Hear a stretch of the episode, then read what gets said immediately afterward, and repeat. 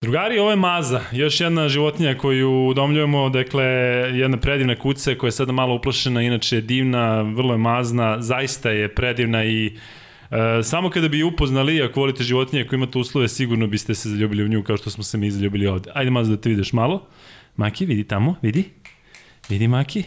Predivna životinja jedna i e, kažem, javite se, imate broj telefona, dakle, mazu udomljujemo danas. Da, Izvolite. Neko je na vratima. Dobrodošli još jedno izdanje podcasta sa Kuzmom i sa Lukom. To je broj 17. Kuzma 17 je srećan broj, tako? Uvijek bio. Meni je srećan broj, moram Stvarno? priznati. 17 je srećan broj, ima nešto privatno, jako bitno, a ima ovaj, veze sa ne, nekim mojim davnim životom. Znaš šta je orfanel, ne znaš? Ne. A sad ću čuti. I bolje. Ili nema, neću. Nema potrebe ni da znaš. Ali, ali ovaj, srećani broj, zaista, 17-ica. E, 16 je jako dobro prošla Kuzma, ali smo mi to nešto dobro pričali mm. ili e, su ljudi počeli da nas slušaju? Izgleda da jesmo i da se pogodila dobra tema i da su ljudi zaista počeli da prate i nekako sve se poklopilo.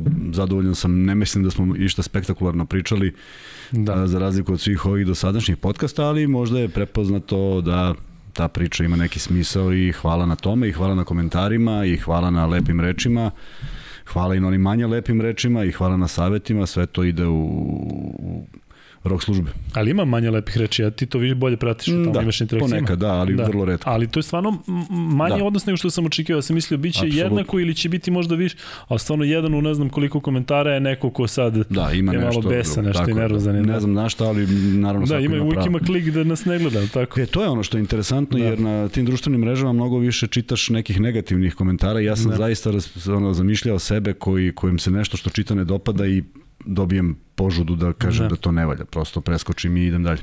Dobro, ali sve to nama ide u prilog, tako što više da se gleda. gleda. Da se, uvijek tako, se zahvalim da. i kažem hvala što nas gledate. Ima jedan momak koji je napisao jedan jako lep i dugačak tekst gde je čak i upomenuo Kuzmu da je igrao u nekim gimnazijama u kojima je mislio da nije. Tačnije, rekao je da sam ja u pravu, tako da tog momka zaista pozdravljamo i vidi se da poznaje košarku, to je ono što mi se, što mi se dopada, čak je i pomenuo da te je gledao i kažem ti neko ko se seća lepih stvari i nadam se da mu se dopada ovo što radimo, zato što mi Burazeru, ti koji si napisao ono iz Šapca, mi ovo radimo baš zbog takvih kao što si ti, a mi smo među njima, dakle mi volimo da pričamo o košaci, volimo da iznesemo svoje mišljenje.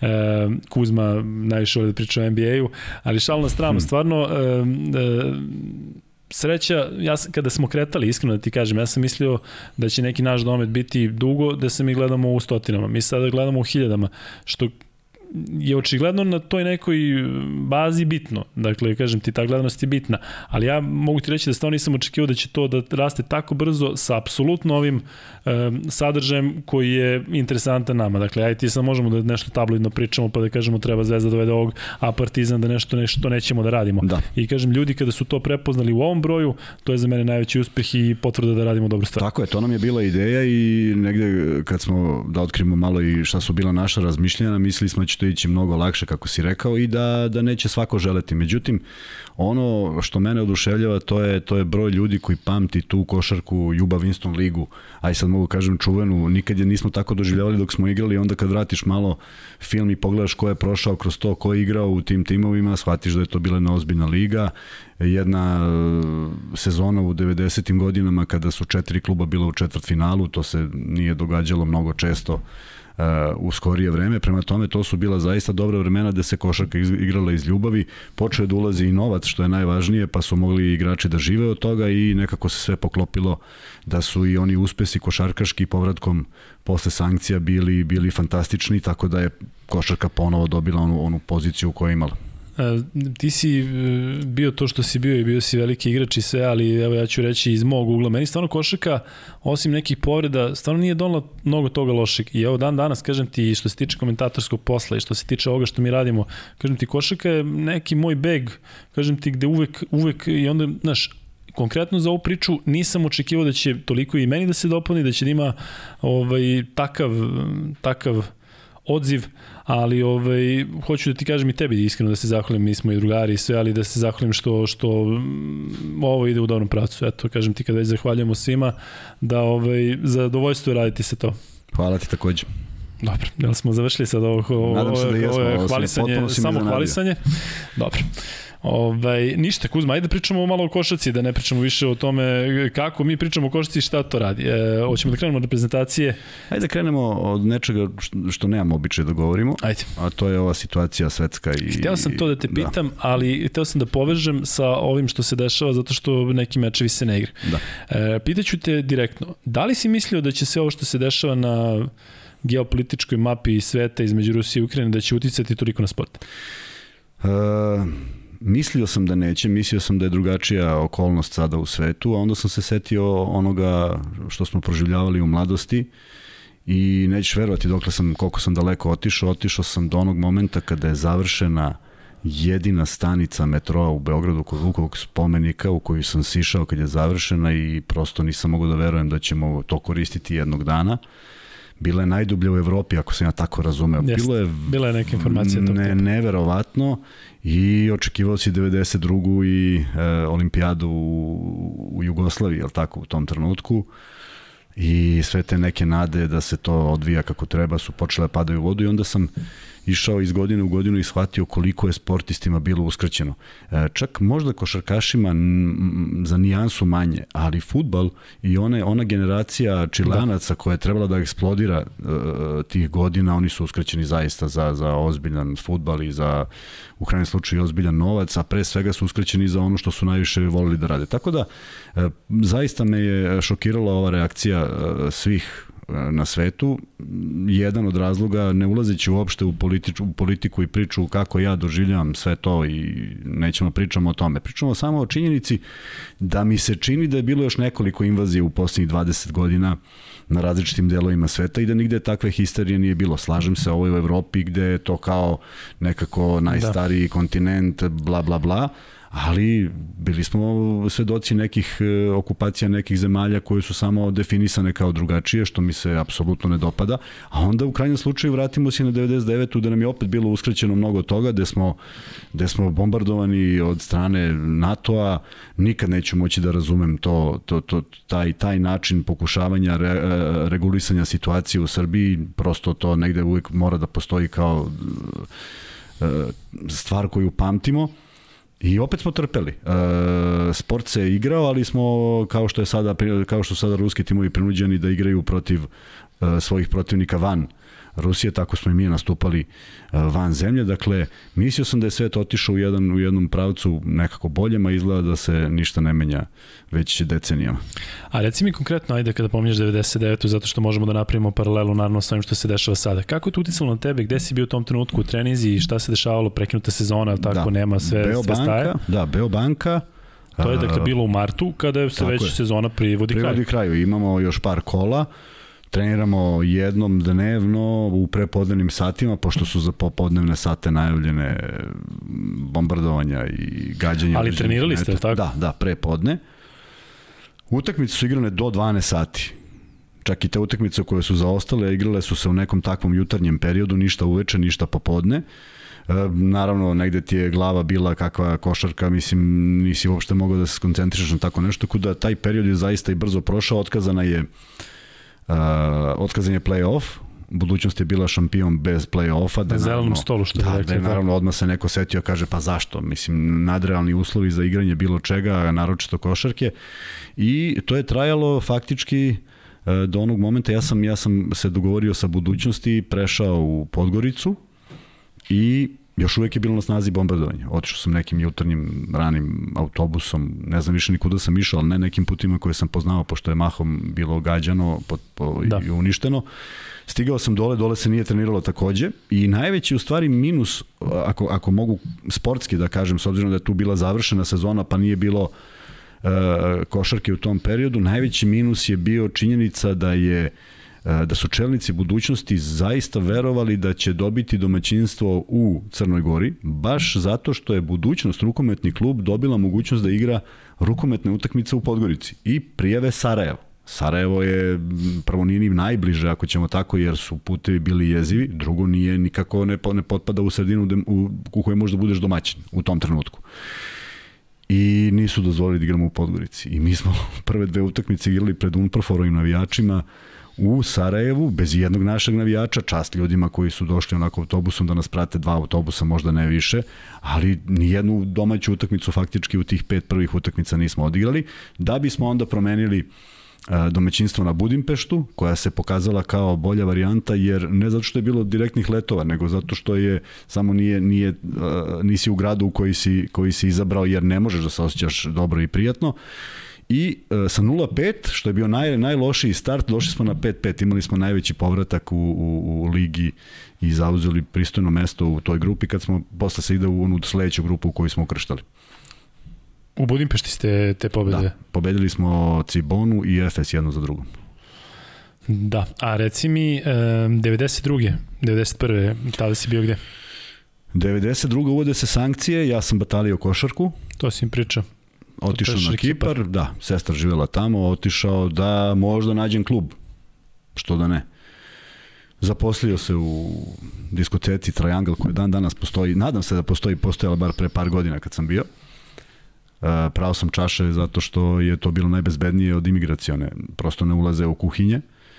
I igrao basket po ceo dan. To je bio u stvari način života tamo. I čekao neku priliku, stupio u kontakt sa Apolonom iz Limasola, I u nekom momentu, posle puno tih nekih pregovora i nekoliko mojih treninga, dobijem nakran, na, napokon ponudu od 10.000 dolara i kola i smeštaj. I to je u tom trenutku beznađa i neke bezidejnosti izgledalo kao nešto fantastično, iako je 10.000 dolara na Kipru prilično mala suma, ali ako već imaš smeštaj i kola, pa pregureći se. Uh, pozivam OKH Beograd da vidim kakav je, kakav je moj status, obzirom da sam rekao da idem u neizvesno i naravno prvu informaciju koju dobijam da se vidi oko obeštećenja. Naravno. Pitao sam u kom smislu obeštećenja, ovo je pitanje života, nije ovo pitanje neke karijere ili nečega, niti se na Kipar išlo u tom trenutku. Ja ne mogu ti objasnim osjećaj kad sam došao na trening kako je to izgledalo. Pa ne mogu da poredim uopšte. Igrao sam par utakmica amaterskih, ljudi, ljudi su svirali, sudije su svirale 3 sekunde dok lopta leti na koš i svira 3 sekunde u reketu. Mislim, hoću ti kažem, potpuno ono što znamo o Kipru, pa 10 puta lošije. Tako da to nije bilo ništa zabavno, ali ovaj, sam dobio negativan odgovor, da treba da se razgovara. Ja sam naravno jako teško to prihvatio i pozvao za 7 dana da vidim da li su se možda predomislili da bi tada u OKK Beograd došao Zoran Radović i na njegovo insistiranje oni su me registrovali za sezonu. Što je bilo onako potpuno neverovatno. I na pitanje kako su znali uopšte da se vraćam, mislim, pa kaže sad to je to, otprilike vratio se, ne vratio, nije važno. Ja sam došao u Beograd 1. 1. septembra. 26. septembra mislim da je bila prva utakmica prvog kola. Imao sam, ja sam bio 15. igrač. I uspe, dvojica su otišla za Borac Borovicu, ja mislim Jokanović i Ramač i ostalo nas je 13. I uspeo sam nekako da, istiknem, da, da istisnem Goran Jakovljević iz ekipe i ušao sam među 12. Igrao sam stvarno dobro, bio sam pun snage, nikome nije znao jer sam se opet pojavio ni otkuda i na tim pripremnim utakmicama jako lepo je to sve izgledalo. Igrali smo protiv Šapca par puta i pobedili, baš sam bio dobar. I dolazi prva utakmica sezone, prva utakmica u kojoj ja računam neku svoju profesionalnu karijeru, Crvena zvezda OKH Beograd sedim na klupi željan da uđem. Nemam ideju šta bi mogla da se desi kad uđem. Jer su tamo i Trifunović, i Ilić, i e, mislim da je bio Ljubav Vidačić, i Cvetković. Dakle, jedna ozbiljna ekipa. I ušao sam 7 minuta pred kraj. I postigao sam 9 poena. I pobedili smo tri razlike. I to je za mene bilo potpuno znaš, ono ostvarenje snova, jer si na svom prvom, u, u svom debiju si napravio jednu neverovatnu stvar mene niko nije gledao na terenu. Neša Ilić nije znao ko je ovaj indijanac, ali doslovce i verovatno nije ni obraćao pažnju. Međutim, to je nekako sve krenulo. Imao sam strahovito dobru podršku Bogosavljeva, Nikolića i Radovića u tom trenutku kao ljude koji ti daju stimulans da igraš i kad nešto pogrešiš i eto to su tih prvih a, ovaj prvi poeni u profesionalnom sportu, pobeđena zvezda, očekujem da je mojih da je moja sledeća utakmica, naredne četiri nisam ušao, ali ovaj, to je bilo... Čekaj, igrao si poslednjih 7 minuta? Poslednjih 7 minuta, poslednjih 7 minuta. Kad se lomilo? Da, kad se lomilo, ali kad je već verovatno bilo ideja, ajde sad da probamo, nemamo šta da izgubimo, da. jer mi smo gubili celu utakmicu. I to se preokrene i tako je krenulo. I ajde sad još eh, da iskoristimo onu anegdotu, pa ćemo da nastavimo posle o nekim stvarima. Um, dolazi novinar na, na, na trening i traži Vladu Kuzmanovića. Ja onako prilično iznenađen. Rekao, zaista? Kaže, da, da, pa kaže, posle ove utakmice da napravimo. I kaže, kako je to izgledalo? Ja opišem ukratko. A reci mi iskreno, kaže, da li te je bio strah kad si ušao u igru? Ne, rekao, interesantno, kao da sam znao da će nešto dobro da se desi. Pa dobro, ali da li ti je bilo malo onako frka? Ja kažem, ne, naročito kada je Sloba Nikolić, kad sam promašio zicer koji sam morao, morao da dam, morao sam da dam koš, a bio je koš i faul, ja sam ga promašio i kad sam stavno liniju slobodno i bacanje, okrenuo sam se prema Niku i čovjek pokaže ovako i prosto ne možeš promašiš. Ne rekao, baš zbog toga što sam imao podršku. Da, da li te malo bilo onako? I sad ja vidim u čemu vodi. U kom smeru i kažem, čoveče, nije imam taj isečak. Malo sam se štrecnuo ovaj naslov. Rekao da ovaj, tad počinje ovaj, saradnja s novinarima koja je bila ovakva i onakva, u, u većini slučajeva vrlo kvalitetna, moram to da istaknem. I to, je, to su neki početci i to su ta, ta, ti, ti dani kada, kada izlazimo iz, iz kada počinju sankcije, a igra se jako dobra košarka. Dakle, jako dobra košarka se u tom periodu igra puno talentovanih igrača od tih godina. Zvezda uzima titulu volšebno, onda je gubi, pa opet još jednu. Dakle, to su bile godine kada se u, u pod sankcijama igrala jako dobra košarka i jedino što je opet bila ideja pod sankcijama, ako se to ljudi uh, sećaju, ja verujem da se sećaju kada je napravljena liga od 32 kluba četiri grupe po osam, to je bio zaista jedan možda epohalan pokušaj, ali nije doneo, nije doneo ono što je bilo očekivano, tako da je vrlo brzo i ugašen i opet to, ta sezona, to je 94-95, uskidaju se sankcije, ja sam već u Beočinu i mi smo jedini iz grupe prošli u završnicu u top 10. OKK Beograd je taj igru po Iniru, je tako? Da, da, da. I koliko je bilo publike recimo na ovo? 250, 300. A kad igrate protiv Zvezde? Bilo je, bilo je. Bilo... Zvezda je bila domaćina u tom trenutku, tako da, da i, i kad igra OKK Beograd protiv Zvezde, bilo je. To je prva liga, znaš, vratili smo se te sezone. Da, ali sve da, je... da OKK nije bilo sada, bilo je ispunjeno ovako jedna strana, druga strana, da, da, tako, da, nije da, ništa... Samo kad su veliki protivnici, onda su dolazili da gledaju i te druge, Jasne. ali nije to bilo toliko loše, mada mahom nekada smo, nekada smo prvu B ligi igrali sa onom zavesom koja da, da, deli, koja deli da, da, teren oni, da, e, i onda kada dođe velika utakmica da, i kada podiš. sklone zavesu, ne znaš Jeste, gde onaj da. koš koga je pomerio. Da, da.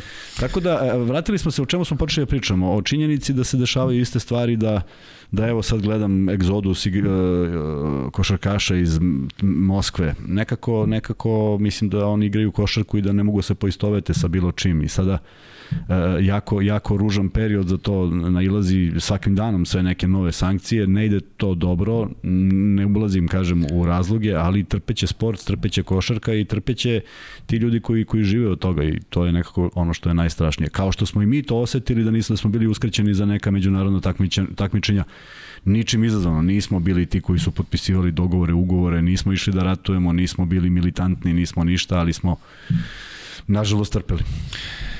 Kratko ću reći, pa da ne moram ni ja posle anegdotu, niti anegdota, ni topla priča, ali je priča. 99. godine ja sam bio treća e, godina gimnazije u četvrtoj gimnaziji. Sada, tako je bio običaj moj, ali generalno dobiješ loše ocene na početku i posle ih popraviš.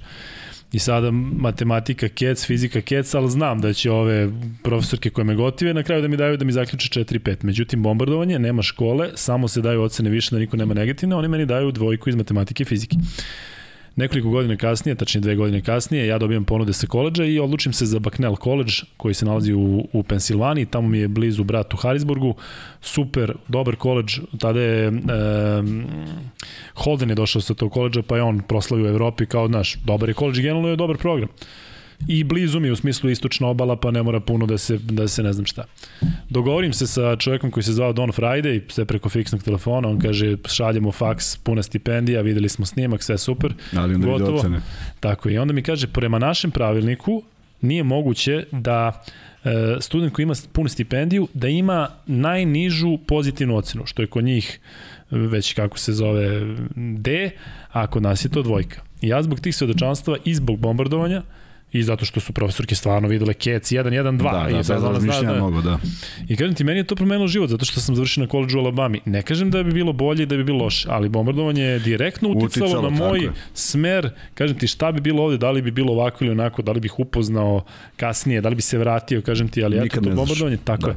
I sada ova situacija što sam kažeš taj egzodus košarkaša iz Moskve, ali i taj otpor drugih prema Moskvi da ne žele da se igra. Neko mi se čini da tako je bilo i što se tiče korone, ali dobro, to barem zdravstveno ima smisla. Ali možda je moj takav utisak. Ali prvo udari na sport.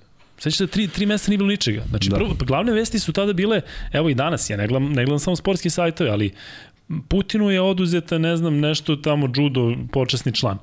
Ovaj je otišao iz Moskve. Ovo neće da igraju. Euroliga, šta će biti sa Euroligom? Mi nis, ni mi sad ne možemo da pričamo šta će biti sa klubima, ne znamo. Ne znamo, tako Ali je. taman misliš, jedno ovo zlo ti se kao završi korona, novi talas, ajde neće se odlagati utakmice i odlaže se utakmica CSKA, odlaže se utakmica Žalgiris, neće da igra sad zbog ovo. Kažem ti, meni kada na ovim sajtovima vidim ono postponed, stvarno mi više ono, baš je onako odvratan noć. Nisam sad ljut, nisam besan, nisam se smorio, ali brate daj više, pustite Do, dosta, nas da, da gledamo košarku, da prenosimo košarku, da uživamo u košarci. Da li je moguće da to danas ne može, ali pazi, potpuno dva različita razloga. Ovo epidemija i kažem ti rat u Evropi, a isti isti ishod. CSKA nije igrao u januaru zbog ovoga, sad ne, ne igra zbog ovoga. Mislim, kažem ti, ne znam, znaš, dajem ti sada još jedan primer. Potpuno ne znajući, ne znajući šta će da se desi, mi prenosimo na sport klubu Ukrajinsku košarkašku ligu. Ja sam radio ove Sokole, mi ne znam ni kako se zovu Sokolovi iz Harkova, znaš, Harkivski Sokoli, ne znaš kako popadaš da menjaš, popadaš da menjaš i tu je ovaj momak Aleksandar Zečević. Ja kad sam ih prenosio, kažem, čudo je što je što je uh, jedan momak završio tamo, momak koji imao I evo mesec, dva kasnije čovek evo, koji da. evo, beži izlazi, da, da. iz ovo. A kažem ti, baš je odradio tu, odradio jako dobru utakmicu. Ja sam rekao u prenosu, momak verovatno me odskočna daska da ide negde drugde. Ma kakva daska, kakvo čovjek spasava živu glavu. Evo, ako, ne znam da li će ovo doći do njega, ali taj Aleksandar Zečević je meni ostao u, u sećanju zato što je momak stvarno ima jednu pristojnu centarsku tehniku za taj nivo, verovatno mu je ovo prva ili druga godina profesionalna, prva ili druga jeste sigurno. Gde kažem ti hoće malo da se da se da se pozicionira, da se vidi i kažem ti sada izlaze vesti, informacije da li će da napusti granicu 40 sati nije spavao, prosto nevjerovatno. I kažem ti asocira nas na ono na, sve što je prošlo, je, tako, tako je, što smo preživali. Ali vidi, ajde da krenemo o košarci, pošto ovo su teme, mi nećemo doneti neki ni zaključak, ni, tako je, nemoguće. ni nešto, da, ni nešto mnogo mudro da kažemo, žalosno je što se to dešava i, i, i, i mi zaista imamo i, i razlog da se podsjetimo i svega toga što smo prošli i nekako pregurali neko ma, sa malo manje, neko sa malo više problema, ali eto tu smo gde smo i da pričamo o košarci koja se ipak igrala u ovoj sezoni, u ovoj sezoni, u ovoj nedelji i to neke dobre stvari su se dešavale. I imamo, imamo dosta materijala tako da pričamo. Ajde da krenemo do reprezentacije. Ponovno smo u nezgodnoj situaciji zato što kada se pušta ovaj naš podcast, igra se meč u Slovačkoj između Slovačke i Srbije, tako da ne Nećemo znamo taj ishod. ishod, ali se nadamo, nadamo da, se da, da će biti sve normalno, što kaže Muta Nikolić. E, tako da možemo da komentarišemo ovaj prvi meč. 75-63. Da. E, e sad, opet e, digresija ti nisi bio u stanju da gledaš Srbija Slovačka. Da, da, to užas i to Ali sam to je neverovatno, da li je moguće da nema neko ko za o čemu pričamo? Pričamo nema. da Zvezda igra u isto vreme kad reprezentacija Srbije. Tako je. I sada, da evo ja, ne radim te mečeve, hoću da, da, da gledam jedno i hoću da gledam drugo. Nije moguće, možda da prebacuješ na time outu. Ti si vjerojatno posle morao da se da možda pogledaš ili da se informišeš, što je potpuno Znaš da u kabini imamo dva TV-a, pa, je pa, je češće, bilo, da. pa je češće, no, smo da bacili pogledam, malo, ali, malo bacimo pogled. Tako je, ali ajde da, da krenemo od Srbije, 75-63, pobjeda onako, može se reći, rutinska, ne toliko laka, otprilike očekivano očekivana i važna pobeda. Važna zato što je to jedino pošto su igrači otišli.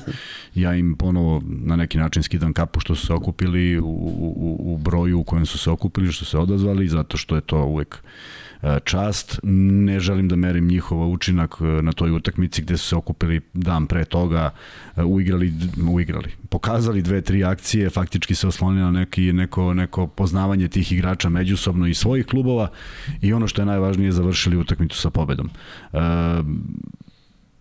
jako i prvi put, to sam komentarisao u toku prenosa, prvi put da se desilo zaista da u istom terminu utakmica reprezentacije Eurolige. Do sad je uvijek bilo neko promašaj od nekoliko dana, pa nikad nije bilo u istom momentu. Ovo je baš bilo ružno i koliko to zaista škodi košarci. Što se tiče e, Pešića, u jednom trenutku imao 11 igrača, što je opet uh, užas uh, pred kojim se nalazi i on kao selektor i igrači koji, koji prosto žele da izađu, žele da pruže najbolje od sebe, ne žele da prave loše poteze, žele da izgledaju dobro, žele da, da pokažu zašto su članovi reprezentacije sve je to nakaradno i kažem svaka čast što su odigrali na nivou na kojem su odigrali, što nisu dozvolili protivniku da povede faktički i da napravi neko iznenađenje, jer zaista bi bilo iznenađenje i verujem da večeras, ali opet uz jednu ozbiljnost, jer to je ekipa koja je dosta homogena, njima ne verujem da nedostaje neko, jako ih je teško upoznati, skautirati i, i znati šta rade. Po, pojedini pokreti nisu košarkaški, pojedini pokreti su onako dosta priučeni, tako da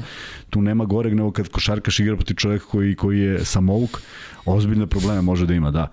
Uh, uh, jer, jer ne reaguju na isti način i ono što je najvažnije da se zabeleži ta pobeda i onda ćemo da vidimo kako će stvari da se odviju, jer verovatno sve ovo uh, neko gleda i mora da nađe rešenje uh, napokon, ne zato što je neko sad postao mudri, nego zato što je prošlo toliko vremena sa lošim momentima u košaci da. da je jednostavno nužnost da se, da se sedne. S druge strane, ne mogu da se radujem porazu Hrvatske, od Švedske samo zato što je do, su došli u nekom strašnom sastavu i bit će mi krivo ako ne budu na, evropskom, na svetskom prvenstvu.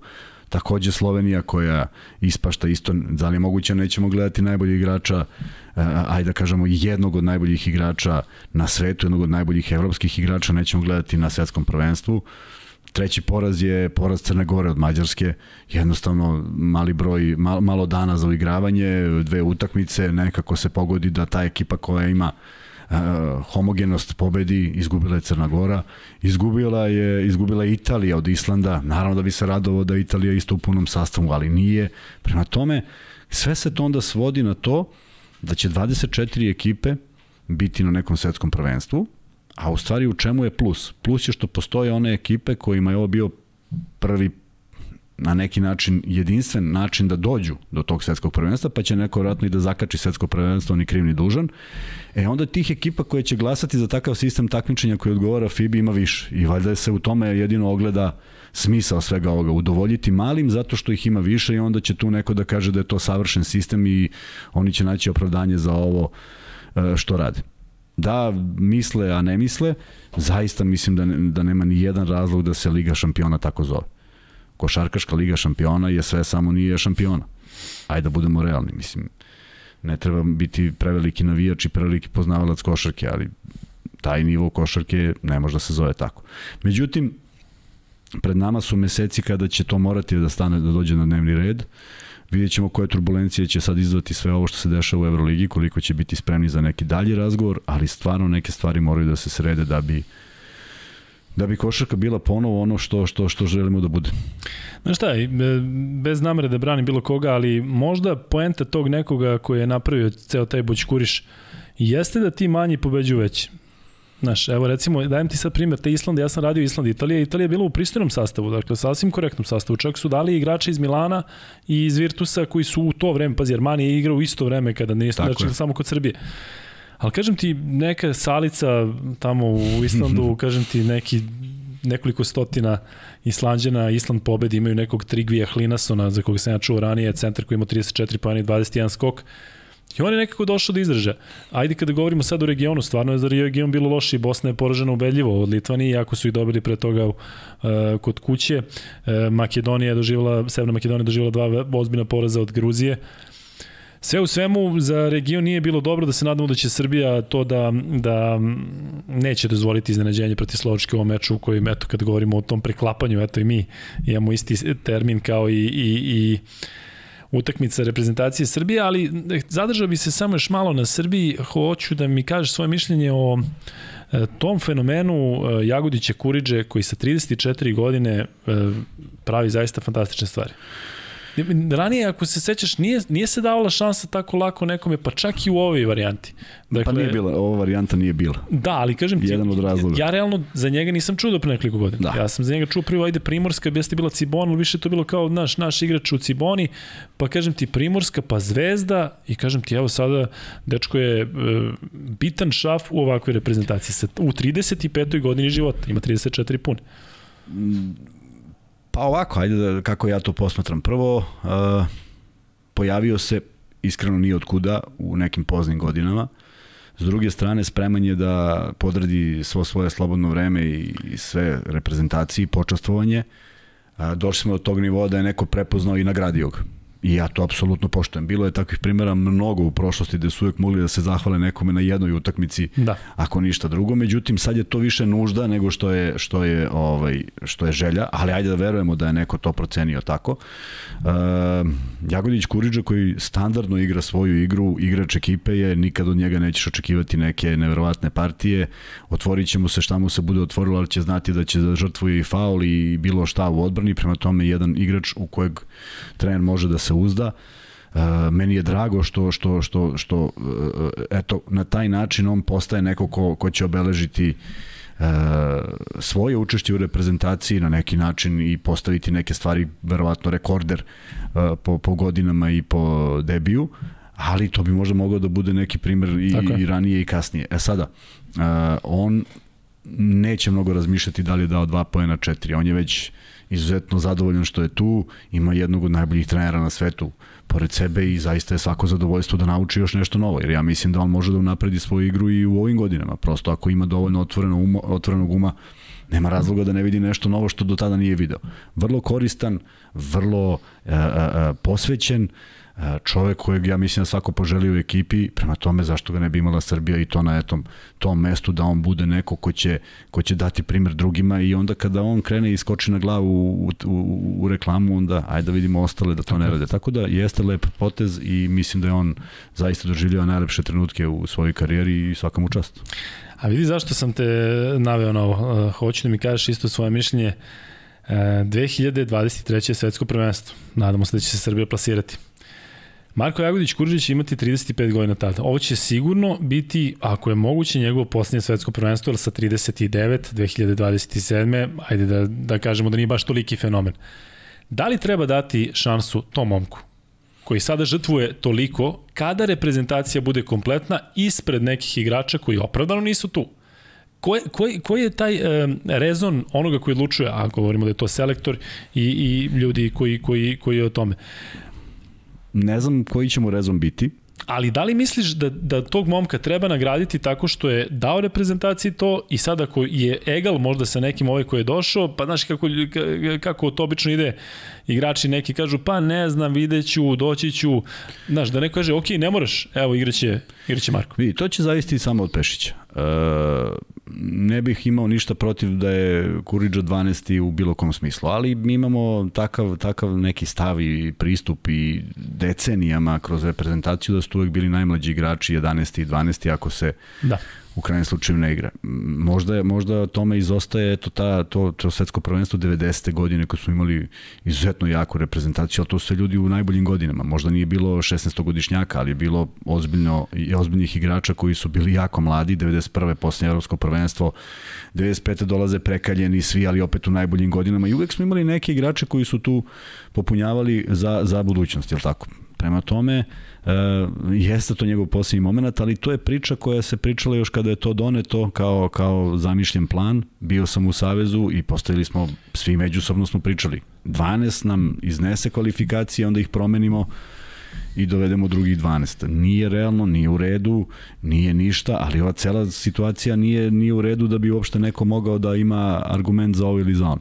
Bilo bi greota da ti igrači koji su izneli mm, sve ove prozore i, i, i, i igrali za reprezentaciju da ne budu, a s druge strane možda im je ovo jedina prilika da igraju za reprezentaciju. Tako da treba izdvosmerno gledati uh, te odnose. Ako si se odazvao, odigraj to najbolje što možeš, veruj u sebe, veruj da si dovoljno dobar, doći ćeš na neke pripreme, pokazat ćeš nekom svom konkurentu da li si bolje ili gori i ja mislim da je to onda jedino merilo koje treba da bude, uh, koje treba da se uzme u obzir.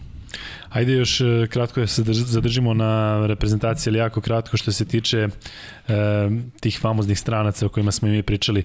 E, š, pa nismo ne, dobili odgovor. Tako, ali šta očekuješ ti? Da li, ne, ne, ne govorim šta misliš da treba, da li će ovo da, nego šta ti očekuješ, hoće Da li postoji mogućnost da neko ko ima srpsko poreklo ili čak neko ka, sa stranim pasošom nastupa za Srbiju na svetskom prvenstvu? Za srpsko poreklo ne bih imao ništa protiv, prosto za sve momke koji se nalaze u drugim državama i žive tamo.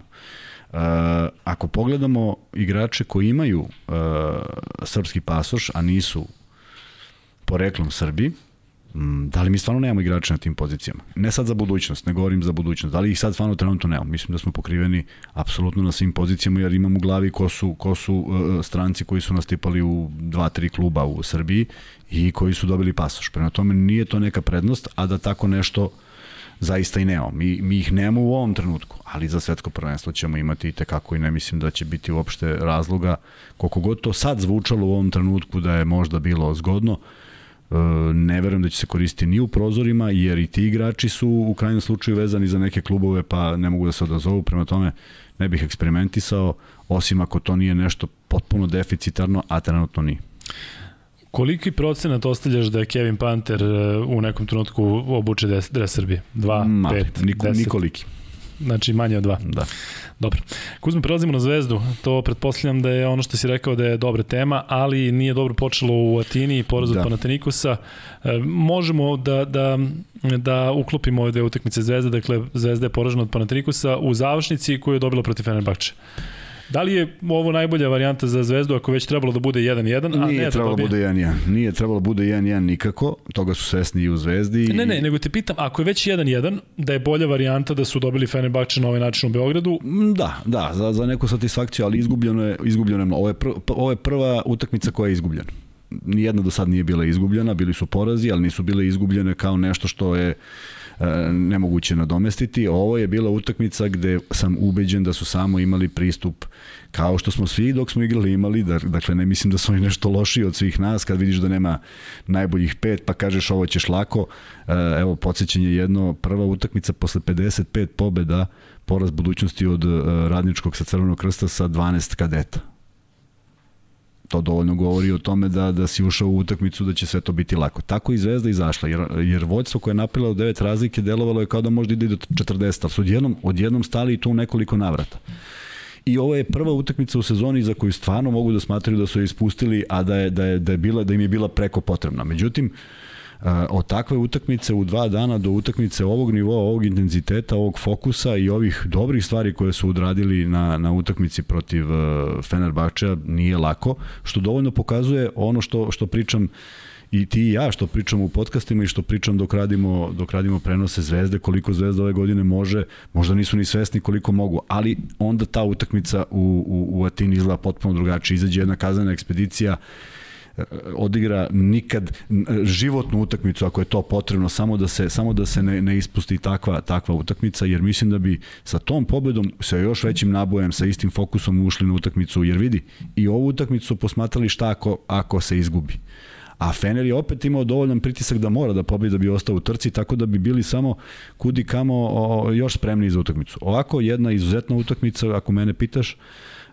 pad u jednoj od četvrtina, gde se sve to ipak nekako nadomestilo i ono što je bitno, izuzetno dobar fokus u, u samoj završnici, što je pravilo probleme u prethodnim utakmicama, bilo ih je, ali desila se jedna nesvakidašnja stvar, a to je onaj challenge. I moram da pričam o njemu Ajde. iz prostog razloga što sam neko ko stalno uh, zanoveta kada sudije gledaju, onda sam rekao super što su sudije pogledale snimak. Daj, ajde samo iz gledalce samo ukratko objasni šta se to prilike desilo e, za ove koji ne znaju tačno taj detalj. Dakle, za loptu su se bacili uh, lopta se odbila od koša, krenula je u aut, već je viđena kod Gudurića u rukama, tu se našao Hollins i odjednom je lopta završila u autu. I kolega Ilija i ja sedimo tako da, da smo to sve gledali faktički kroz konstrukciju koša, nismo, nismo mogli da vidimo, jer je tačno na tom mestu uh, a tek nije mogla da vidi ni klupa Zvezde, pošto je sve, obojice su bili okrenuti leđima. Međutim, ispostavlja se, sad ja malo, ovo, je, ovo nije nešto što, je, što znam pouzdano, ali nešto što smo otprilike saznali na licu mesta, da je valjda Luka Mitrović prišao Radonjiću i rekao da bi bilo zgodno da traži challenge jer Hollins smatra da je lopta za zvezdu. I to je on, to je on i pričao sa Gudurićem. Tako je, njih dvojica su imali čak imali kontakt kao da su šali, si pipnu, nisam pipnu, videlo se da se nešto dešava. Tako je, i Luka je valjda reagovao, ako sam ja dobro razumeo, Deo naravno odmah iskoristio tu priliku i samo jedna kamera može da ti pokaže zaista, jer oni su obojica okrenuti leđima i ispostavilo se da su preinačili odluku što je ipak presedan. Ja ne znam da se desilo do sada, bar ja nisam gledao košarku, da se nešto tako desilo i da je odluka bila preinačena u pravovremeni ovaj challenge. Radonjić je izlazio pa smo ga pozdravili sa Hokaj pošto mu je to sad novi nadimak i stvarno to je pre, okrenulo, okrenulo... A stvarno je to bilo ključno. E, sad vraćamo se ono sve što smo pričali radio si Zvezdu kada je bilo par sumnjivih lopti protiv Efesa, ode ovamo, ode onamo, polovina utakmice nema ko da pogleda, a isto tako može da utiče da utiče da. na rezultat. Dakle, ovo, ovo, ovo je dobro što se desilo jer je Zvezda zahvaljujući tome pobedila, ali generalno kao ideja je upropaštavanje košarke kako bih rekao, znaš koliko ovakvih detalja ima na utakmici? Koliko puta si samo na jučerašnjoj utakmici Davidovac je u jednom momentu stao kad je Bartel primio loptu ili napravio dva koraka i čovek se podigao i stavao očekujući zvižduk, čovek je otišao i položio. Pa mislim, ako ćemo gledamo svaki da će trajati utakmica po 3 sata. Da. Ali nije ovo rešenje jer mnogo vremena oduzima, mnogo usporava ritam utakmice u krajnjem slučaju A, zamisli da se ovo desilo 2 minuta i 1 sekundu pre kraja pa nemaš prava na challenge. Nema logike. Ili ga ima ili ga nema. Tako da nisam neko ko podržava ovo, u ovom slučaju ispao da. dobro i našalio sam se i našalio sam se i rekao prava stvar ovi, ovi challenge-i. A, ali utakmica je bila zaista dobra protiv jedne izuzetne ekipe koja fali, koji fali nekoliko igrača u rosteru. Morao je Đorđević da ima jednu petorku koja je bila diskutabilna, na kraju ne bili malo odmorio igrača, tu je Zvezda i uspela neke stvari da, da konsoliduje i velika pobeda ako mene pitaš iz prostog razloga što a, jučerašnji ambijent a pristovali smo mnogo utakmica ove sezone, je bio zaista nesvakidašnji. Da li je, da li je došao taj naboj posle pobede u futbolu, posle derbija? Da, delo da jeste. Da nije slučaj. Tri, četiri sudijske odluke kada je Zvezda ušla u četvrti faul u jednoj od trećina, ja mislim u trećoj, a e, Fener bio na nula, je proizveo neverovatnu galamu, e, prosto treso se, treso se ovaj pionir i mislim da eto ako, ako je za to vredelo biti na toj utakmici, zamisli koliko je lepo pobediti u takvom jednom ambijentu, igrači su bili više nego zadovoljni. Radonjić je čak u jednom momentu valjda doživeo taj neki tu neku eksploziju emocija, pozvao je navijače da, da po, pomognu, izašao je nasmejan, vrlo redko on izlazi posle utakmice nasmejan, značila mu je ta pobeda i evo sad opet se otvaraju neka vrata za dalje pobede i ako Zvezda uspe da izdrži to do kraja, sve je moguće, e, ne ulazim protiv koga igraju, znam da je sledeća protiv Baskonije i to je jedna ekipa koja, osim što igra tvrdo i jako, nije nepobediva, prema tome, samo, samo se nadam da nećemo prisustovati onoj činjenici da je jedna ta pobeda i to protiv Panathinaikosa odlučivala o, o, o mogućnosti za plasman. Jel se plašiš da može da bude ta mogućnost? Pa može da bude, znaš, može da bude jer opet vidi šta se dešava i CSKA sa, sa problem sa igračima. Kad će se igrati utakmice koje se otkazuju, gde će se igrati, da li će se sad sve nastaviti, da li neće. E, činjenica da je Fener, eto, nije uopšte dobra, dobra pozicija ni Fenera, mora da se, da se juri to neko mesto. E, Efes ga juri, pitanje dokle može da stigne. Ko će da kalkuliše od prve četiri da ga izbegne. Dakle, ima sad tu različite kalkulacije koje mogu da se dešavaju, jer mislim da im je sve lakše sem da nalete na Efes. Od svih protivnika u svo poštovanje uh, ove četiri ekipe koje će zauzeti mesto od petog do osmog, Efes je najnepredvidivi i podiže formu. Prema tome videli smo Real koji je u jako lošoj formi, je li tako? Uh, vidjet ćemo kako će to da se odvija, zato treba svaku utakmicu doživeti kao, kao biti ili ne biti, odigrati je pokušati da se pobedi, doći do respektabilnog broja, evo sad je Zvezda na 10 pobeda, pocifreni broj pobeda, ne zaboravimo i to stalno spominjem, još devet ekipa uz tu desetu će izaći iz play-offa. Dakle, mnogo veći broj ekipa neće učestvovati, uložili su isto energije, isto novca, isto putovanja, isto treninga, pa, pa im se neće ostvariti snovi. Iako mislim da je to samo jedna velika satisfakcija, jer startovati sa osmog ili sedmog mesta a, jako mali, male šanse za neku promenu, bar se do sada nisu dešavale. Uspeo je uh, Željko sa Fenerom da izbaci dva puta, ja mislim Panathinaikos kao petoplasiran i četvrtoplasiran, ali niko još sa osmog da. nije skinuo prvaka počele su neke priče, ali ajde kratko, to su baš ono kafanske priče, ali moramo da ih pomenemo. Šta ako eliminišu, odnosno izbace ruski tim? Mislim da je to tragedija za košarku, ne želim ne, da nego, u suštini, da. Pa, ne, apsolutno ne treba opterećivati igrače sa tim. Ne, Sada Unix, Zenit, CSKA su trenutno, na, da kažemo, na prvih osam pozicija. Tako je. I sad Euroliga jeste imala reakciju i Evroligaški, Evroligaški klubovi su imali reakciju prema, Tako prema je. ruskim timovima pojavila se neka informacija, možda nije informacija koliko nagađanje, šta ako se njima stavi veto da ne mogu. Dakle, da li onda treba 8? Da li onda to pravedno?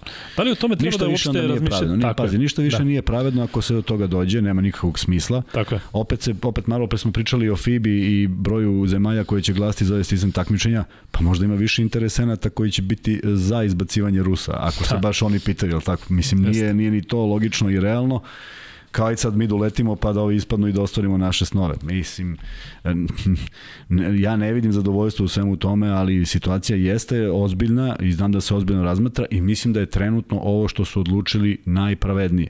Neka izaberu neku zemlju u blizini gde će moći da igraju i to je okej. Okay. Nije da. to okej, okay, jer to isto iziskuje troškove i putovanja, ali Jeste. je kudi kamo zadržava neku neku validnost cele lige, neki, ne, ne, neko takmičenje koje mora da ima smisao, a ne da bude obesmišljeno na samom kraju. U samom kraju imaš 10 utakmica sigurno. E, dve stvari. Prvo da najavimo meč između Zvezde i Baskonije koji se igra 3. februara, Zvezda je domaćin. Marta. Marta. Dobro si ne proletalo. U februaru sam još, i dalje smo u februaru, ali gledaj sad ovo. Zvezda mora da dobije tu utakmicu, ali da ti kažem i zašto. Ne znam da li znaš, Baskonija sutra igra u Tel Avivu za ostali meč. Dakle, Baskonija igra prvog u Tel Avivu, pa onda dolaze Direktno protiv Zvezde. Posle toga, tri dana posle Zvezde igraju derbi u Madridu protiv Reala u okviru NDS-a ligi hoću da kažem da Baskonija će verovatno opuštenije ući u ove utakmice zato što su oni 17. na tabeli Evrolige i kažem ti ne sme Zvezda dozvoli ono što se praktično desilo u prvom meču protiv Baskonije. Sećaš se da je tada mišljenje kao Baskonija jeste promenila trena sve, Baskonija taj to to, to su odigrali najbolju, odigrali su najbolju utakmicu jer se to sve poklopilo igrali kao bez bez kormilana. Da, tako da Zvezda sa ovakvom pobedom protiv Fenerbahča posle kupa, ako dobije Baskoniju, to je ozbiljan temelj za nastavak sezone i jako su šanse male, ali kažem ti dalje si konkurentan. Apsolutno, apsolutno apsolutno. Mi uvijek govorimo kad Zvezdu radimo, ovaj sledeći meč je najvažniji. Zaista se tako pogađa, tako ali ovaj meč stvarno može da usmeri na jednu se približava? Sad se približava kraj, kraju i dolazi, dolazi činjenica da igraš protiv zaista čovek, čoveka, protiv ekipe koja je izgubila možda te ambicije da juri, možda im je mnogo bitnije da odigraju meč. Sve to stoji, ali evo, to je možda bio i, pa, vidi, Panatenikos i slavlja njihovo posle utakmice. Ja mislim da su oni prežalili tu utakmicu. Jeste. Tako mi deluje.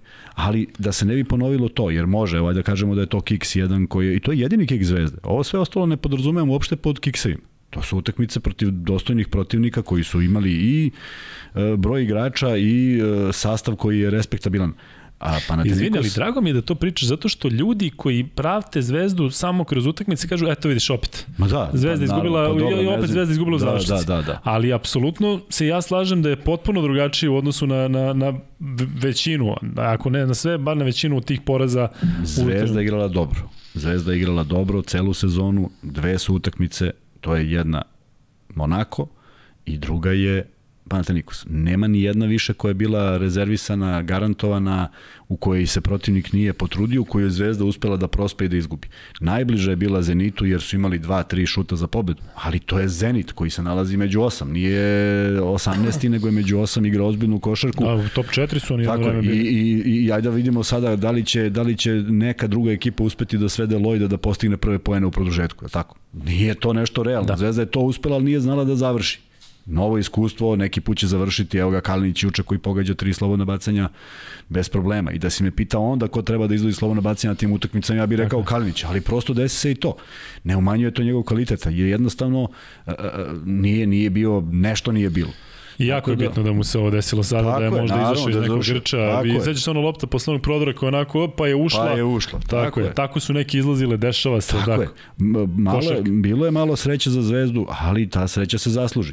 Um, za mene najspektakularniji moment jeste ona ona rampa Davidovca sa koliko osjećaja se privuko i s koje strane je došao. Polonari, ja? Polonari, skinuo loptu, spasio je da ne ispadne i to je bilo zaista ovaj, e, nešto što što ti ostane u sećanju iz prostog razloga što sam neko ko uživa u finim potezima. To nije bila dominantna banana, nije da vidio skočio 4 da, metra pa, uvis, nego je, nego je samo pročito da. gde će biti lopta. Tako da, mene raduju takve stvari jer uvek su, i ja koji sam možda imao predispozicije i bio brz i skočan, uvek sam više volao da uradim neku laganu stvar kao što je njegov prvi prodor na utakmici, ako se sećaš, finta šuta, 1-2, faul, koš, nema ništa lepše. Što i brzi skočan, a?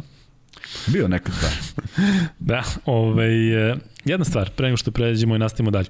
Najavili smo meč Zvezde, e, da ti ispričam nešto, možda čak i znaš, meč, e, radim, prenosim utakmicu Grčka-Turska.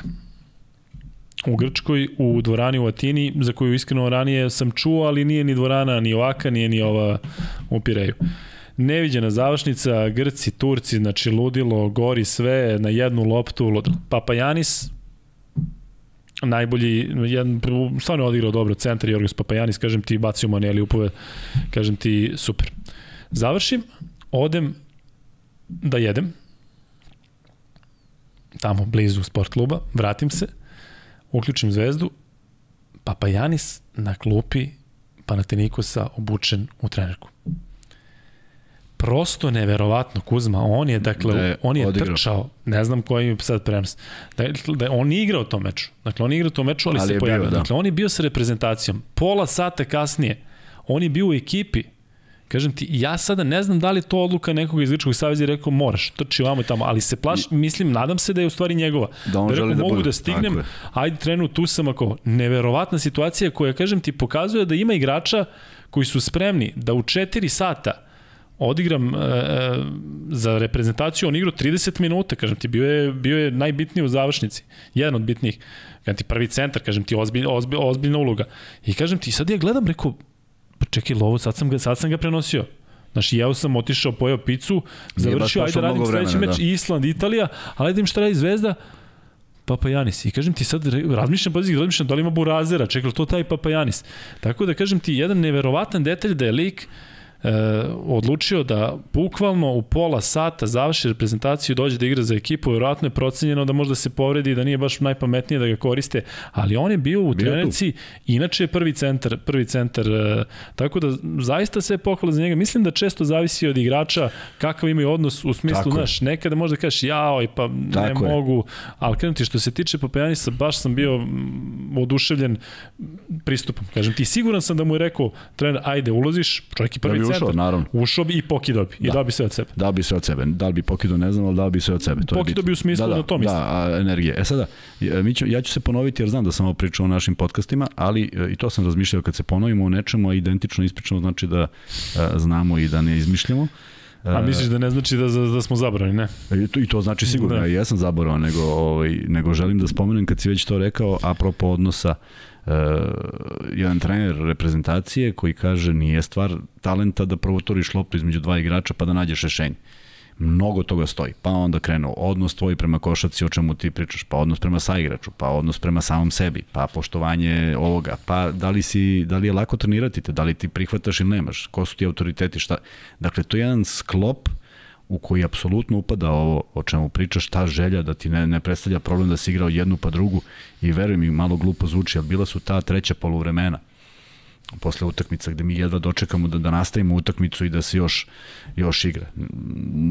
Mislim da smo imali nenormalnu energiju i stvarno želeli da, da naučimo tu košarku i kroz te utakmice apsolutno i učili da svaka ta utakmica nešto novo donese. Hoćeš da ispričaš jednu anegdotu koju si meni ispričao, šta ti je rekao Bora Cenić na treningu kada je došao da vas gleda, pa je li Bora Cenić ili Ranko Žervec ili Aleksandar Nikolić? Pa si ti, a govorimo o energiji, pa si ti nešto napravio neki potez, pa si završio, pa on tebi rekao Kuzmanoviću. A, Duda Ivković pokojni. A Duda Ivković. Duda Ivković. Da, da, vidiš, ja znao sam da je neka veličina. Da, on je došao da bude četiri dana u OKH Beogradu. Koje godini govoriš? 91. Druga. Ti si tad bio to potpisao ugovor, mislim, tu sam među 12. Ali 18-19 godina. Da, da, 19, 19-20 godina, da. I naravno došao je Duda i sad tu je strah svih da ne pogreše, da ih Duda ne nešto da im ne kaže. I vrlo interesantno, ja sam skinuo loptu ispod svog koša i kako sam doskočio, moj čovek koji mene čuva ostao iza mene. I ja sam krenuo onako stiljivo, nisam ja krenuo prema košu, Međutim, svi su bili zauzeti svojim ljudima, tako da se stvarao prostor da mene niko nije više mogao dobrati pažnje, niko nije teo da rizikuje, da rotira, pa da ispadne da je pogrešio. Ja sam onako korak po korak u nekoj, nekoj srednjoj brzini shvatio da mi je otvoren put prema košu. I otišao sam i položio. I vraćam se onako malo pun sebe, znaš, malo udahnuo, pa trčim i prolazim pored Dude. On je znao moje prezime, ja sam bio u ozbiljnom šoku. Kaže, Kuzmanoviću, pa nećeš valjda da budeš igrač koji će trči od koša do koša.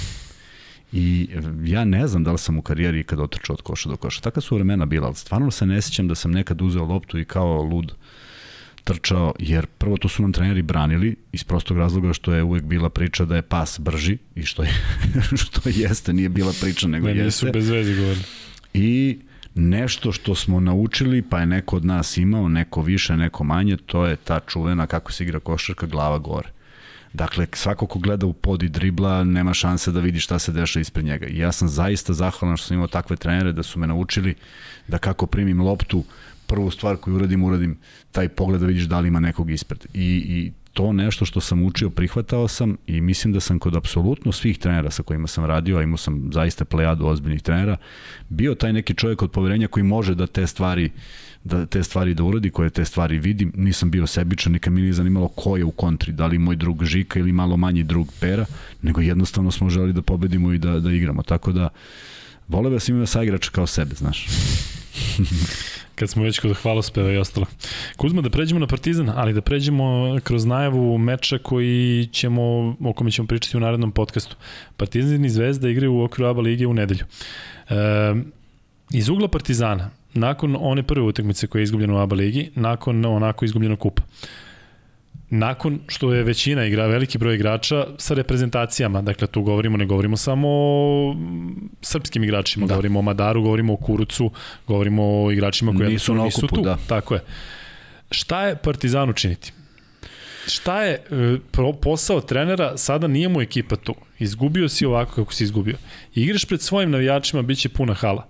Da li je tu uh, bitniji taj motiv psihološki, da Jest. kažeš momci, ili ajmo Jest. sada trenizam da vidimo šta nije bilo u kupu dobro pa idemo da se radi o akcija što će naravno biti. Da. Ali taj psihološki moment i trenutak da Željko Bradović pokaže I energijom i, i besom i, da. i emocijom da sada podigne igrača. Da, i jedno i drugo. Oni dovoljno znaju i to se videlo te, te kup utakmice, on svaki put se okrene na klupu i priča upravo da se ne bi da bi predupredio nekoga da napravi nešto slično na terenu. Uh, jako je bitno podići ekipu, ne znam koliko je to moguće, iz nekoliko razloga. Prvo, nisu na okupu. Drugo, svi su sad kod novog trenera, kako god to izgledalo, sa nekim novim zahtevima. Uh, divno je što su se odazvali, ja, sam, ja to apsolutno poštujem i ono što sam najavio kad smo pričali o reprezentaciji za svako poštovanje je da neko sada uh, uđe u tu priču, a ipak zna šta ga čeka.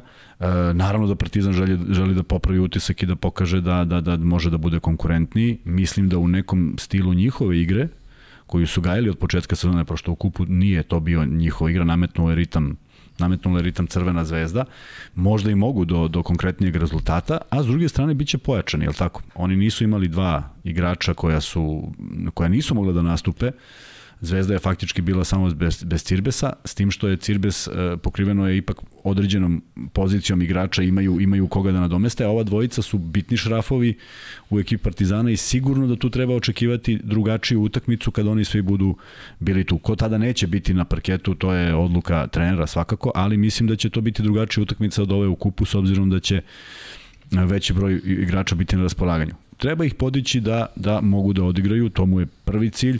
Drugi cilj, da neke stvari koje je očigledno Zvezda e, pročitala pre svega u, u, u, igri, u igri Pantera, koji je pogodio šta je pogodio, ali to su sve bili jako teški šutevi, e, da, da pronađu neko rešenje gde će sebi olakšati utakmicu, međutim, opet se vratimo na onaj početak, Zvezdina utakmica protiv Fenera je utakmica intenziteta koju Partizan hteo ne hteo ne može da ima. Može možda u dva slučaja u, u, u Evrokupu, ali, ali nema gde dalje. Zvezdi je to svakodnevica. Zvezda će imati još jednu utakmicu do derbija protiv Baskonije gde će dobro da se izbubecaju i da shvati s kojom snagom mogu da uđu i tu je sad taj kriterijum suđenja koji kada se postavi na taj nivo evroligaški, koji treba gajiti iz prostog razloga što to jeste najbolje takmičenje, Zvezda je tu u prednosti i mogu da znaju kako da odgovore na a, a, brzu igru Partizana i u ostalom gledali smo igru Partizana koja nije nalikovala na igrama u, u, u Evrokupu ili u dosadašnjem delu uh, uh, sezone. Iz prostog razloga što su bili iskraćeni za dva bitna igrača,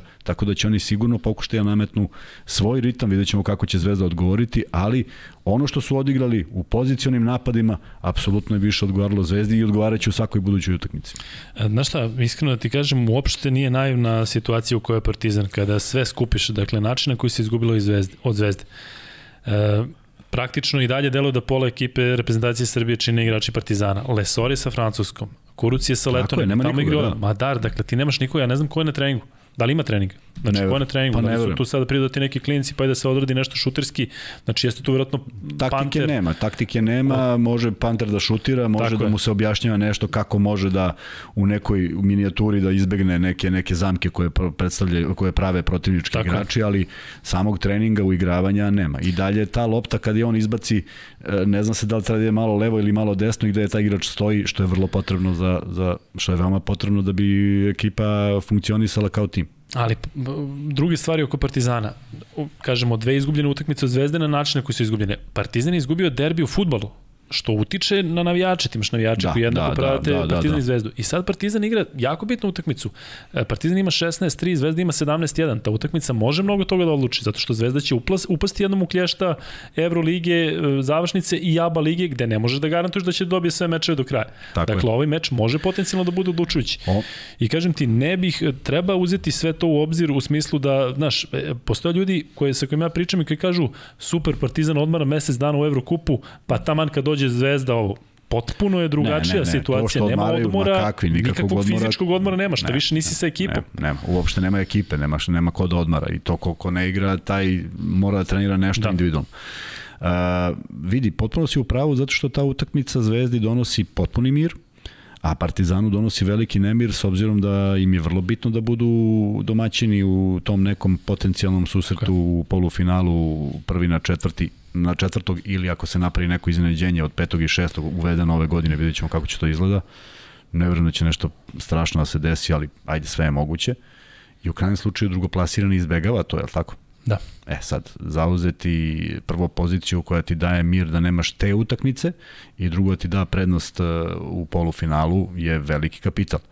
E, Da li budućnost može da ostane na tom kursu, da li ne, Partizanu zaista ta utakmica mnogo više znači i osigurava na neki način mesto ako se ne uzme u mogućnost da izgubi još neku utakmicu. Nije isključeno jer kažem ništa nije garantovano, moraju da se potrude, ali to je što se ABA lige tiče njima biti ili ne biti. A na krilima toga, od toga zavisi dalji nastavak utakmica u Evrokupu, jer to može da prouzrukuje i veliki pad i, i, i samopouzdanja i, i svih nekih želja koje su postojale. Tako da je čeka nas izuzetno interesantan derbi, a s druge strane Zvezda sigurno ne želi da izgubi tu utakmicu iz prostog razloga što želi da pošalje jasnu poruku i mislim da oni ove godine igraju dobru košarku, kvalitetniju košarku i to žele da, da, da potvrde i utakmicom protiv Partizana. I zato kada pričamo o Zvezdi i Baskoni, taj meč ima dodatno na težini. Tako zato je, zato ako je. Baskoniju dobiješ posle Tako je. kupa, posle, pa, posle Fenerbahča, dižeš se, ideš, dakle prvi si na tabeli, ovde i dalje imaš šansu sa ozbiljnom emo, sa ozbiljnim nabojem ulaziš u derbi, Apsolutno. gde ćeš biti opet prvi put u poziciji da si u dvorani koja je pro, protiv tebe. Tako da... I, i, ali si u utakmici u kojoj nemaš mnogo da izgubiš. Tako je. Da, Možda igraš rasterećenije. ako izgubiš nije- od Baskonije, Da, da, opet dolaziš u problem jer onda Tako sad je. navijači gledaju Jeste. drugačije. Sve to ima svoje. I jedni i drugi su stvarno, to je u stvari e, specifično zašto je ova sezona. Dakle, kažem ti, ovakvih, ja se nećem da je bilo takvih momenta biti ili ne biti u sred sezone, ukršta se jedno sa drugim, Partizan se odmah posle toga vraća u Evrokup i nastavlja da se bori za prvu poziciju. Da. Dakle, kažem ti, sada ono sve što mi pričamo, što smo pričali u podcastima, sada uh, e, dolazi do izražaja i samo kažem, trebaju možda navijači jednog i drugog tima da imaju, da imaju razumevanje kada se desi takav neki Panathinaikos, kada se desi Partizanu da, da izgubi u ABA ligi od ekipe koju je trebalo da dobije, zato što je to zaista za ovakav format i za ovakav sistem praktično Izuzetno naporno. Ta, Izuzetno je naporno i uh, uz, uz, uz uh, poštovanje igrama Partizana i svega što su uradili, uh, još je napornija Euroliga, još je više utakmica sa mnogo manje odmora. Kad pričamo o odmoru, ljudi pomisle oni odu negde i leže i druže se. Tako je. Odmor u smislu malo, karte raste, i- malo, malo manje pritiska u glavi, jedan rasterećeniji trening i mogućnost da neki kondicioni trener malo promeni ritam treninga, ne bili potrajali još duže jer je sezona dugačka. Prema tome, e, sve se, sve se, sve se sad svodi u, u, u, u te utakmice jesu ono najgledanije zato što daju neku e, sliku kako to može da izgleda. Iako će u nekoliko utakmica polufinala i finala biti svašta moguće, jel tako? Nije nešto što je opet garantovano, opet treba da se potrudiš, ali ipak daje neki odnos snaga koji svi žele da zadrže. Naravno da Partizan promeni uh, jednom, jednom dobrom utakmicom i pokušajem da pobede Crvenu zvezdu, Zvezda da pokaže da je ipak evroligaški tim koji na ovom nivou igra svake nedelje, a, budućnost čeka iz prikrika bez, Jest. bez manjka motiva. Tako Tako, je. nemaju uopšte neku... FMP je tu vrlo konkurentan. Videli smo u kako, polufinalu. Tako je. Vidjet ćemo kako će oni, koju će poziciju zauzeti, uh, da li Cedevita koja uvek igra toplo-hladno već deceniju, da li mogu nešto da promene, ne znam. Da, ali videli smo da mogu da pobede Partizan. Da, da, Tako, apsolutno. Znači, Tako da nisu taj ekipa jedan- protiv koje ti možda upišeš ne, pa ne, kao... apsolutno ne postoji. Tako da, ajde vidjet ćemo šta će doneti to uh, od, od, od trećeg do šestog mesta, čudan format zaista, zato što će te utakmice, taj treći koji može, koji eventualno treba napadne drugog, imaće još ogroman broj utakmica ako se bude igralo na, na, na, na maksimalan broj utakmica. I za kraj, da, pa ajde kada već pričamo o Zvezdi Partizanu, isto i kroz najavu derbija, e, kaže da je Euroliga zahtevnija i da zato Zvezda je u nekom smislu i u težem ritmu, ali Zvezda je već neko vreme u toj fazi da se ne podrazume, odnosno ne zavisi da li će, nije konkurentna toliko za top 8, a Partizan posle ovoga vodi najveće bitke u Evrokupu. Da li misliš da je, To da je- u koju bolju situaciju? Ne, ne, a Partizan je u teškoj situaciji iz prostog razloga što, što su ti porazi koje je doživio nisu, nisu neočekivani. Oni su prosto normalno da se desilo u okviru Evrokupa. A onaj pritisak koji imaju jeste da je da pokušavaju dođu do Evrolige kroz Evrokup. I Zato i kažem, da li da. misliš da je Partizan pod većim pritiskom? oni su oni da, oni su oni su uh, pod većim pritiskom od starta sezone jer samo što se to onako uh, kotrljalo sa Da. jednom pristojnom sa pristojnim rezultatima sve do ovog poslednjeg poraza koji uopšte nije traumatičan. Ali ako Partizan zaista želi do samog finala, potpuno nevažno sa koje pozicije može da krene, ako je to ekipa Da. koja do toga može da dođe. Prema tome veliki veliki je ulog nije realan zato što zato što je tek formirana ekipa. Mi smo slušali Željka Obradovića koji priča o, o činjenici da ekipa mora da se uigra i da ovo ne može. Pa onda ne može ni, ni na nivou Evrokupa da to baš sve funkcioniše. Ako ne funkcioniše u okviru ABA lige, što bi funkcionisalo tamo gde su ipak kudi kamo teže ekipe. Prema tome, uh, oni traže svoj put, uspeli su da naprave dobre rezultate, došli su do, do nekog ja, ja, ne, ja ne znam koju bih utakmicu mogu da nazovem da su da su imali a da je nisu uh, pobedili u smislu možda ono ono na pola koša ali su jedno i dobili pola koša. Prema tome eto tu se negde poklopilo. Uh, idu idu dobrim pravcem u smislu ekipa je zaista bolja nego s početka sezone u igraniji su da li je to dovoljno i da li će biti dovoljno u onom momentu kad to bude trebalo to, to već niko ne zna, ali da im neke stvari idu na ruku ne idu iz prostog razloga što verujem da kada prave analizu do sadašnjeg e, dela sezone ima igrača koji nisu opravdali očekivanje i ono zašto su došli. Ispričali smo se o domaćoj košaci, sve smo pokrili, kratko još o NBA-u, imam dva pitanja za tebe na koja, na koja znam da ćeš imati odgovor, zato što su onako više opštali. Što se tiče trenutnih dešavanja u NBA ligi, dakle All-Star pauza je završena, vraćaju se svi svojim timovima, čekamo Simonsa u Brooklynu, videli smo Hardena u Filadelfiji, to delo je dobro na početku, Filadelfija sa Embiidom, Harrisom i Hardenom, barem na osnovu ovih nekoliko utakmica, interesantne, to hoću da kažem, nije taj New York Knicks i nisu neko merilo, ali Lakersi se raspadaju, Denver igra dobro na, na e, krilima Jokića, Dončić igra sve bolje i bolje prosle olimpijskih igara, dakle dečko videlo da se istrušen i njegova statistika raste i kaže meni će biti jako interesantno da vidim šta će se desiti u play-offu i nekako priželjkujem u prvom kolu taj duel Dončića i Jokića treba da se potrefi naravno da budu na četvrtoj i petoj poziciji, mogu da se susretnu i, i, i na neki drugi način, ali Kuzma, zanimaju me dve stvari. E, prvo, kako objašnjavaš to da su realno u ovom trenutku možda četiri najbolja igrača u ligi Jokić, Dončić, Antetokumpo i Embiid? Srbija, Slovenija, Kamerun i Grk poreklom iz Nigerije.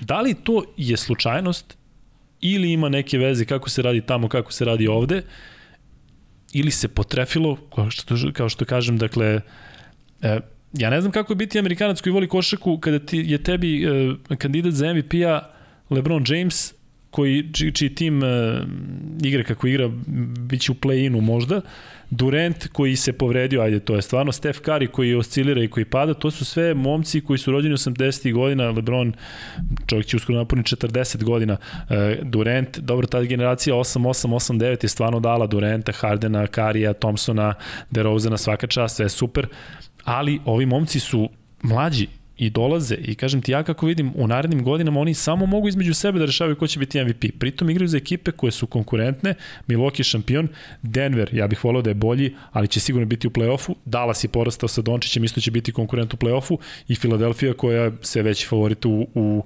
u, na istoku. Šta se tu desilo? Da li je to ulaganje u Afriku, zato što sad odjednom, mislim, nije odjednom, dolazili su igrači od afrički, sad odjednom kao tamo je krenulo neka NBA više ulaže, e, e NBA sigurno ne ulaže u Grčku, a i mi smo prošli put rekli da je Slovenija u jednom trenutku rekla sve dajemo na, na da, sport. Da, nema ulaganja u Šta se dešava? Dešava se da su, da su to četiri sklopa fantastična, mentalna, pre svega, fizički dominantni, Dončića smo gledali kao bebu i dečka od 15 godina, u stvari on je, on je korpulentan, ogroman, brz, pametan, sve što može da ima. I njegov razvoj je kudi kamo svih njih, bar za Dončića i Jokića znam drugačiji od američkog. U kom smislu?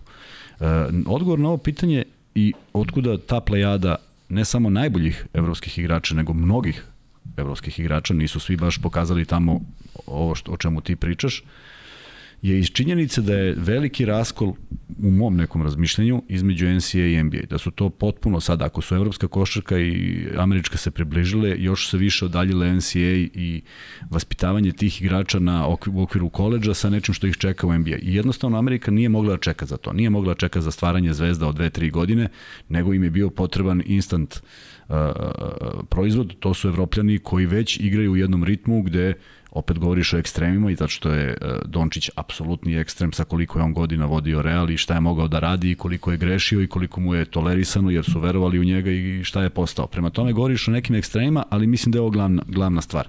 Da nema priliva tih igrača koji mogu da ispune NBA očekivanja jer ulaze u jedan potpuno drugačiji svet. Govoriš kroz koleđe i srednju školu. Kroz koleđe i srednju da. školu, zato što su tamo ipak E, ja, igrači s kojima sam ja radio, to su igrači koji rade svoj posao, znaš. Nema on sad nešto da iskače, on ne može da zna da li dodaje da, kada da. nikad mu nije trener do, dozvolio da doda.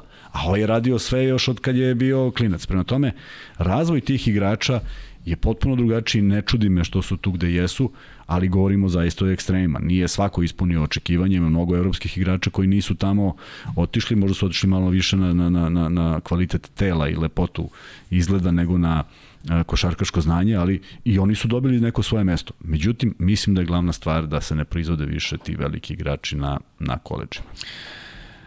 To i oni znaju. Amerikanci pričaju o tome. Dončić kada je došao, znaš kako su njega predstavili? Ovaj čovjek je osvojio evropsko prvenstvo i osvojio Euroligu. I da, sad je došao, da. znaš, a oni ti onda imaš tada, pored klinca polaže, koji je Nejton. Polaže ispit. Tako je, tako je, tako je. Tako da to, na to sam u stvari I potencirao da, da ovo. I zanima me tvoj, tvoje mišljenje o Kyrie Irvingu. Popojasnit ću ti situaciju. Kyrie Irving ti je e, košarkaški Đoković, pošto ovde ljudi vole da pričaju o Đokoviću oko cele te situacije, oko njegove vakcine. Kyrie Irving je odlučio da se ne vakciniše, i praktično jedini, ili imaš neko vanja da je već ime? Andrew Wiggins nije hteo da se vakciniše, pa je onda seo Kari s njim, pa je seo Thompson sa njim, pa je seo Kerr, pa je rekao, pa ipak ću. Tako je, od, posebno od ovih zvezda. Irving nije žal da se vakciniše, rekli su mu ne može da igraš. Pa su mu onda rekli, e, za Brooklyn može da igraš na gostovanjima. I on je izašao i rekao isto kao i Đoković. Ja se držim svoga u sve posledice i molim lepo, da li misliš da radi pravu stvar u smislu da što je potpuno otišao izvan sistema, dakle njegovi su ga, njegovi su ga isključili. Drugačiji je slučaj od Đokovića u smislu um, u Brooklynu ne može da igra. Znači, Drugačiji je slučaj samo što je u timskom sportu. Tako Nema je, ali iste, da isključi. Ista je priča u smislu uh, neće da se vakcinišu po cenu, borazeri, radite vi šta god hoćete, ja svoje telo nećete me naterati sve. Da li uh, si na strani Kyrie Irvinga i da li bi recimo ti, sada da si ti Kyrie Irving, da li bi rekao Boraz, 50 miliona, 30 miliona uzimaju mi, ali sam zaradio, da li bi se držao svoje odluke takve kakve su. Nešto sad glupo zvuči, ali ja sam neko ko se stvarno držao svojih odluka i svojih principa, tako da bi vrlo verovatno ovaj, uradio isto ovo. Iz prostog razloga što ja ne vidim šta je problem u tome što je Đoković rekao, ja ga ne razumem lično, nisam vakcinisan iz nekih sličnih razloga, nikom nije ubedio da je to uh, ovaj, ono pravo, nećemo sada da širimo ovde antivaksersku kampanju. Naravno, naravno, nego te pitam ovako, da li bi... Ne, nisam, ne pripadam tome, jednostavno naravno. uvažavam sve, najbliži moji prijatelji su izabrali svoj put, svako ima da izabere, ja ne vidim šta je tu problem. Problem je nastao onog momenta kada je jedna država dozvolila da uđe, pa neće da ga puste, inače nema nikakvog problema. Taj Đoković da nije dobio vizu koju ja i ti isto treba da dobijemo da bi ušli u Australiju. Ne biste mogli da sednemo u avion ako nismo dobili vizu. Da je nije dobio, niko ni o čemu ne bi pričao vezano za Đokovića, nego jednostavno se ne bi pojavio zašto je takva odluka vlasti i tu je kraj priča. Ovako se sve diglo previše, a Irving isto ima tu želju da saopšti da želi da odlučuje šta hoće da jede, pije i da unosi po u sebe. Po svaku cenu, spreman je da ide do kraja. Naravno, naravno, ja i ne mislim da će tamo neko baš da mu stane u odbranu, pošto američki sistem ne dozvoljava je, neki, neku, da. da. ne dozvoljava neku individualnost. Ali popušta, da ti iskreno kažem popušta, evo kažem ti dajem mu, pa sad se priča da li će u play-offu igrati, pa šta može, gde može, više nije toliko negativac kao što je bio, to pa, hoću da kažem. Znam, ali... Šta da će? Tako je, tako je. Da, znači kad idemo na, na kraju će oni da ispadnu pobednici pa da, u smislu, pa, pa da. razumeš, izdržao sam, dosledan sam, Vidi, možete da se ne slažete sa mnom, ali, ali ja sam, znaš... Za ne... mlađe generacije, za mlađe generacije rollerball iz 70-ih, 80-ih, James Caan igra glavnu ulogu i odlična priča kako je pojedinac izašao iz okvira korporacija koje tada vladaju svedom za svaku preporuku, čak ne ova novija verzija, pošto je bombastičnija, nego ona baš prilično jednostavna, samo pokazuje te odnose, mi živimo taj svet, ne dozvoljavaju nikome, e, nekoliko je primjera, svi ih znamo, meni veliki, velika žal što Maradona nije bio upisan kao neko sa najvećim brojem nastupa na svetskim prvenstvima, jer je volšebno uzeo efedrin baš tog dana kada je to rađeno, prema tome ne mogu da, ja navijam za heroje, meni je Đoković heroj, Irving mi nije, ali s onim što radi vidim, poštujem ono što radi. Meni jeste, moram priznati, ne, ne, od svih nije, igrača, nisam, ne pratim, ne pratim naravno, iz naravno, tog razloga, naravno. inače apsolutno poštujem to što je... Apsolutno ne zbog ovoga što je sad da zauzeo stav svakom čast, ali Irving je jedna ozbiljna igračina, Irving je neko, kažem ti, ko je drugačiji, koji je govorio i neke gluposti da je zemlja možda ravna ploča, pa je nešto išao, kadio je e, navijače, nešto, kažem ti, malo ispada iz šablona. Jeste. A kažem ti, on je, ovaj, on je neko ko je, kažem ti, genijalac, ja uvijek govorim da ona titula Clevelanda, da je tu pocenjena uloga Irvinga i te njegove trojke koje je dao u sedmoj utakmici. Tako, eto, Kuzma je rekao rollerball, ja kao predstavnik nove generacije gledajte Uncle Drua, gde Kari Irving eh, glumi e, ono sve što je krenulo od Pepsi reklame, pa su se tu ubacili neke bivše NBA zvezde, zanimljiv film, onako bukvalno da pogledate i da da je onako, da, da ubijete nekako sat i po vremena.